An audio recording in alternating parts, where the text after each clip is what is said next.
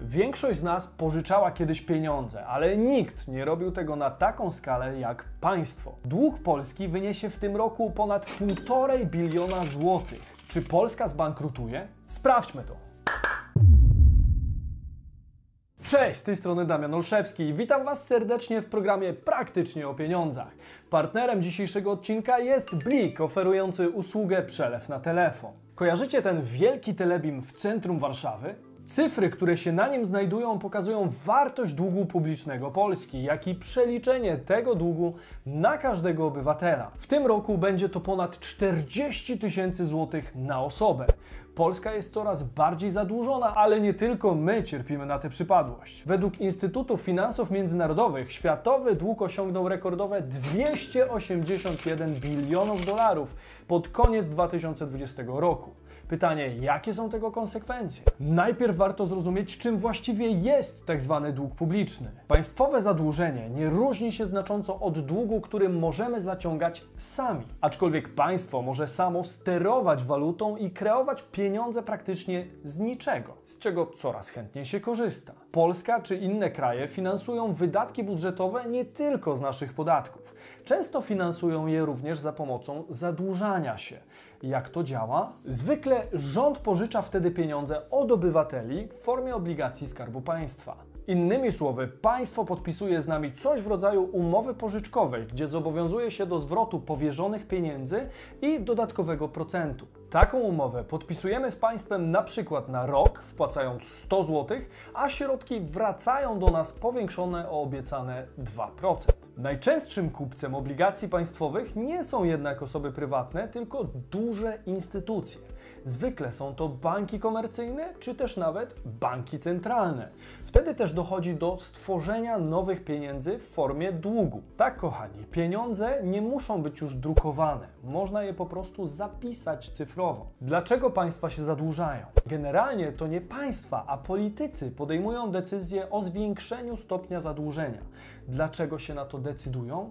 Powód jest prosty, aby dotrzymać nierealnych obietnic. Z uwagi na niski poziom edukacji finansowej wśród obywateli, politycy, którzy wygrywają wybory, to zwykle ci, którzy sporo naobiecywali. Po wygranych wyborach nadchodzi jednak rzeczywistość. Okazuje się, że pieniędzy na realizację obietnic brakuje i będzie trzeba je skądś wziąć. Rząd spogląda wtedy na swojego Excela z budżetem państwa i musi dokonać wyboru. Może podwyższyć podatki, aby sfinansować obietnice. Jednak ryzykuje się wtedy przegraną w przyszłych wyborach, ponieważ większość z nas nie lubi podatków. Może też obciąć wydatki budżetowe, na przykład powiedzieć koniec z programem 500. Tyle, że beneficjenci programu mogliby zaprotestować. Rząd może też po prostu nie pytać nikogo o zdanie i zwiększyć deficyt budżetowy, czyli poziom zadłużenia całego kraju.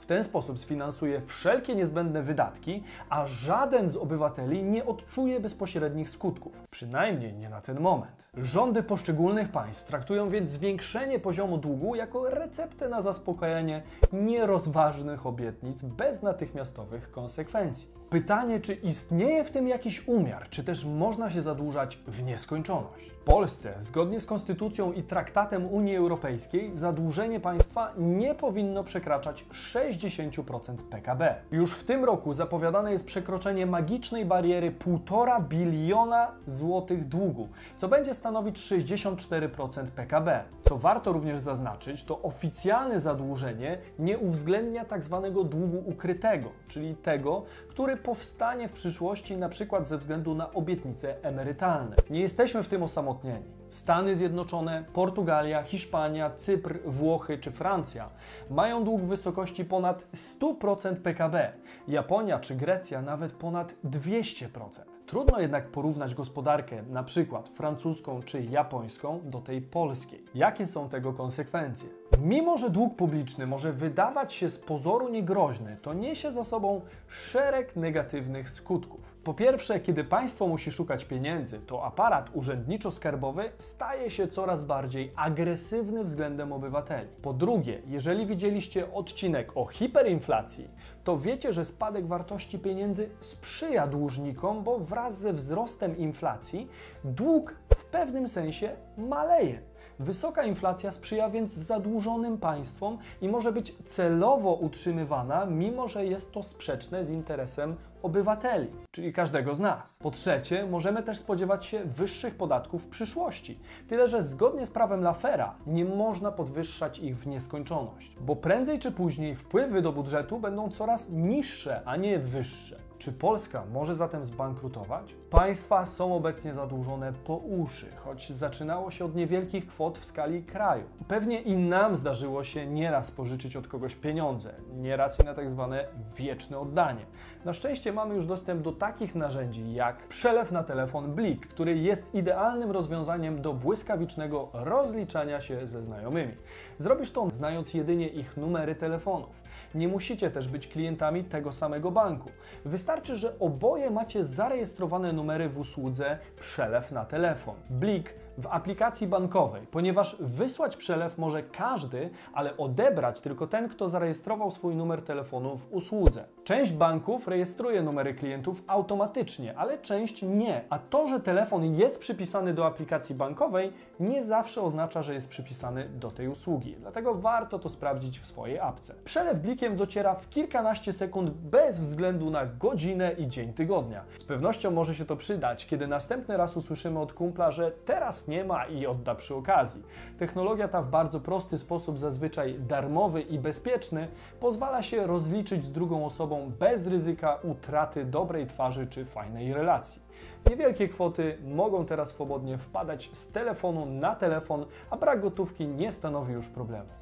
To się nazywa wygoda. Niestety w przypadku spłaty zadłużenia państwowego sprawa nie wygląda już tak prosto. Jak wiecie, Polska przekroczyła awaryjny próg 60% zadłużenia w porównaniu do PKB. Jednym z ekstremalnych przykładów takiej praktyki może być Grecja, której zadłużenie w 2020 roku wynosiło już ponad 100% PKB. Grecy nie mają pieniędzy na obsługę tego długu i spłatę zobowiązań, a każdy kolejny rok spłacania pogrąża ich coraz bardziej. Jedynym rozwiązaniem w takiej sytuacji może okazać się właśnie bankructwo. Zatem pojawia się pytanie: państwo może zbankrutować? Owszem, każde państwo może ogłosić, że nie spłaci zadłużenia wynikającego choćby z emisji obligacji. Oczywiście straci wtedy zaufanie inwestorów, a ludzie nie odzyskają wpłaconych pieniędzy, ale jeżeli państwo nie ma już środków na obsługę zadłużenia, może się to okazać jedynym wyjściem. Co wtedy? Firma, która zbankrutuje, jest po prostu likwidowana, ale umówmy się, likwidacja całego państwa czy społeczeństwa raczej nie wchodzi w grę. W rzeczywistości oznacza to poważne kłopoty dla takiego kraju, który długi i tak będzie musiał spłacać. Czy taki los może przytrafić się w przyszłości Polsce? To zależy od dalszego sposobu zarządzania państwem. Według badań Eurostatu inflacja w Polsce wynosi już 4,4% i jest najwyższa w Europie. Rozwój naszego kraju również stoi pod znakiem zapytania ze względu na to, że najczęściej rezygnuje się z inwestycji, czyli długoterminowych planów, na rzecz socjalnych programów, takich jak 500, czy chociażby 13, 14 czy 15 emerytura. Czy to może się zmienić w przyszłości? Dajcie znać w komentarzu i udostępnijcie ten materiał, aby i inni byli tego świadomi. Kolejny odcinek zobaczycie tutaj, a subskrybować możecie tutaj. Bardzo dziękuję Blikowi za bycie partnerem tego odcinka, a więcej informacji o przelewach na telefon Blik znajdziecie w linku w opisie. Do zobaczenia, cześć!